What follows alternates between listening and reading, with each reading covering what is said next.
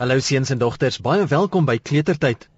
In ons storie het ons gehoor dat Karel Kabouter en Ollie die olifant die bos ingevlug het vir 'n orkaan wat op pad was. Op pad na die wegkruipplekke by koning Diamantkroon se paleis, val Ollie en Karel in 'n vanggat. Karel kon uitkom, maar 'n man op 'n perd het 'n net oor Ollie in die gat gegooi en wil hom aan die dieretuin gaan verkoop. Toe die man vir Ollie met sy perd aan die net by die gat uittrek, het 'n orkaan hom, sy perd en vir Ollie opgesuig. Karel het die bobbejaan touleer wat hy gemaak het uit 'n boom na Ollie gegooi, maar die sterk wind het die touleer uit Ollie se slurp geruk. Kom luister nou verder na Karel Kabouter en die orkaan.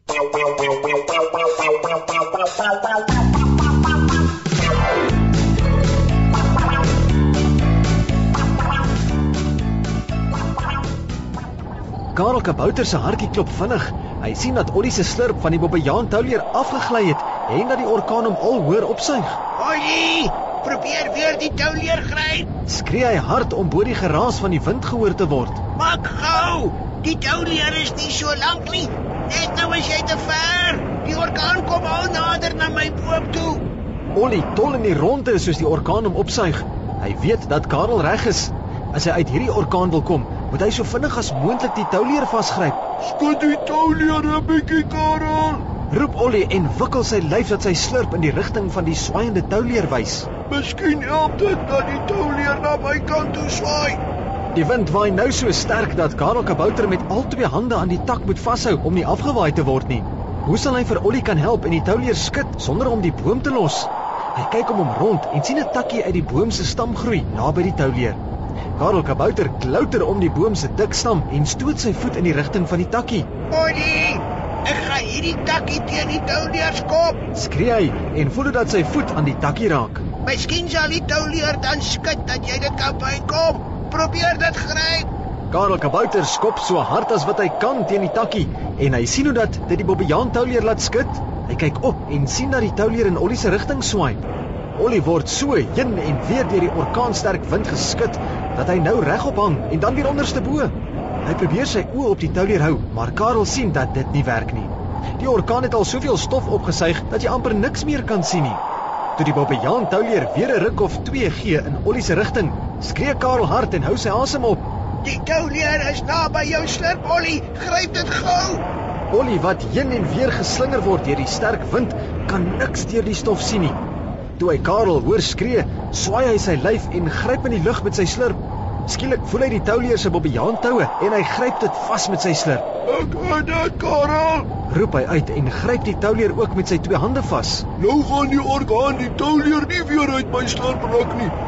Ek gaan met die leer probeer afklim daar na jou toe om uit hierdie orkaan te kom. Karel Kabouter sien hoe dat Ollie stadig voetjie vir voetjie met die leer afklim. Hy moet beer teen die suigkrag van die orkaan wat hom wil optrek, maar hy kners op sy tande en hy trompeter van die inspanning. Toe Ollie by die tak kom waarop Karel staan, los hy die bobbejaan touleer en gryp die boom vas. Ek is hier, Karel, sê Ollie uit asem van die inspanning en klouter tot langs Karel. Dankie dat jy my gehelp het, maar ons moet hier wegkom. Kyk hoe naby is die orkaan aan hierdie boom. Ek wil nie weer opgesuig word nie. Ek het nie geweet 'n orkaan is so sterk nie. Karel Kabouter is baie bly dat Ollie veilig is, maar sien dat dit al hoe donkerder om hulle word. Die orkaan is net 'n paar tree weg van die boom waarin hulle is. Jy's reg, Ollie, sê Karel en begin teen die boom se stam afseil grond toe. As ons vinnig op die grond kan kom, kan ons nog betyds wegkom van die orkaan af. Ollie seil val uit die boom en kom langs Karel te lande op die grond. Dit was ook net betyds. Skaars het Karel Kabouter en Ollie die olifant begin weghardloop van die boom af waarin hulle gesit het, of die orkaan ruk die boom met wortels en al uit die grond en suig dit in die lug op. Ollie sien dat hy met sy lang olifanttree vinniger kan hardloop as Karel met sy kort kaboutertreetjies en hy tel vir Karel op sy rug. Ollie hardloop so vinnig as wat hy kan, hoor dat die orkaan agter hom alles in sy pad vernietig. Nou dat ek op die grond is, Karel, sal daardie orkaan ons nie vang nie. Sê hy uit asem terwyl hy elke nou en dan oor sy skouer loer. Ons is nou nou by koning Diamantkroon se paleis waar ons in die wegkruipplekke veilig sal wees. Toe Ollie die olifant om 'n draai in die bospaadjie hardloop, steek hy skielik vas. Karel Kabouter wat plat op Ollie se rug met sy arm styf om sy nek gelê het, stoot homself op. "Wat is dit, Ollie?" vra hy en loer oor Ollie se kop.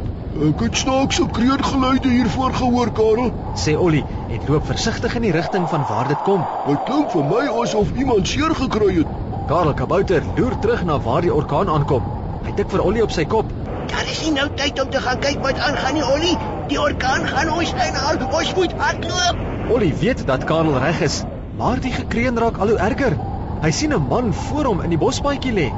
Kyk daar, Karel. Roep Ollie en hy wys vorentoe. Dis daardie een wat so gekreun het. Dis op ons pad. Kom ons hoor wat het gebeur. Toe Ollie by die man kom, roep Karel benoud uit. Pas op, Ollie. Dis die man wat jou met die net wou vang.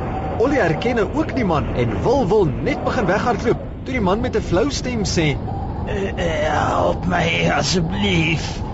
Die orkaan het my en die perd hier uitgespoeg. Ek dink ek het my been gebreek. My perd het weghardloop en ek kan nie loop nie. Karel Kabouter sien dat die man se gesig op plooie trek. So seer dit hy. Ek is jammer dat ek jou wou vang, olifant. Help my asseblief om by hospitaal uit te kom. Ollie die olifant kyk na Karel Kabouter en toe weer na die man wat voor hom lê. Nou goed dan, meneer. Sê hy en tel die man in sy sterk slurp op. Ek en my maatjie Karel Kabouter sal jou help, maar dan moet jy ons een ding beloof. Die man is baie bang vir hierdie sterk olifant en skud sy kop op en af. Sê net wat. Ek sal dit doen. Ollie bring die man nader na sy groot olifant oë, trek dit op skreefies en hy sê: Beloof dat jy nooit weer gate in die groot bos sal maak om diere daarin te vang nie. As jy dit nie wil doen nie, los ons jou hier vir die orkaan. Die man sien dat Ollie se oë kwai na hom kyk en hy bewe so bang is hy.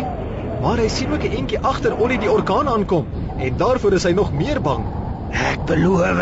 Roep hy benoud uit en sy hart klop vinnig. Ons moet net hier wegkom. Die orkaan is op ons. Ek wil nie weer opgesuig word nie.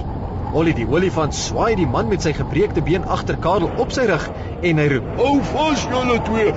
Ek gaan nou baie vinnig hardloop. Ollie het ook net weer begin hardloop of die orkaanwind suig die bome en gras op waar die man gelê het.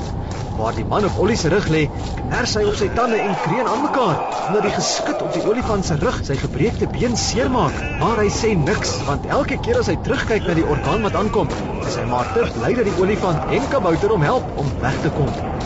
Na so 'n rukkie kom Ollie by koning Diamantkroon se paleis aan, waar baie diere en kabouters op die grasperk voor die paleis staan en gesels oor die snaakse weer. Hardloop na die skuilplekke, julle almal. Skree Karel kabouter en wys op in die lug. Kyk daar, die orkaan is amper hier. Julle moet hier wegkom. Die kabouters en diere hardloop saam met Ollie en Karel na die skuilplekke onder die paleis se vloer in en maak die deure toe. Die man met die gebreekte been is na die hospitaal geneem waar sy been gespalk is. Toe die orkaan verby is, moes die kabouters en diere baie huise weer oorbou en nuwe bome plant waar die oues uitgeruk is. Gelukkig het Karel Kabouter en Ollie die olifant se huise niks oorgekom nie. Karel het net lank gesukkel om vir Ollie te leer dat dit nie 'n orkaan was nie, maar 'n orkaan wat alles so vernietig het.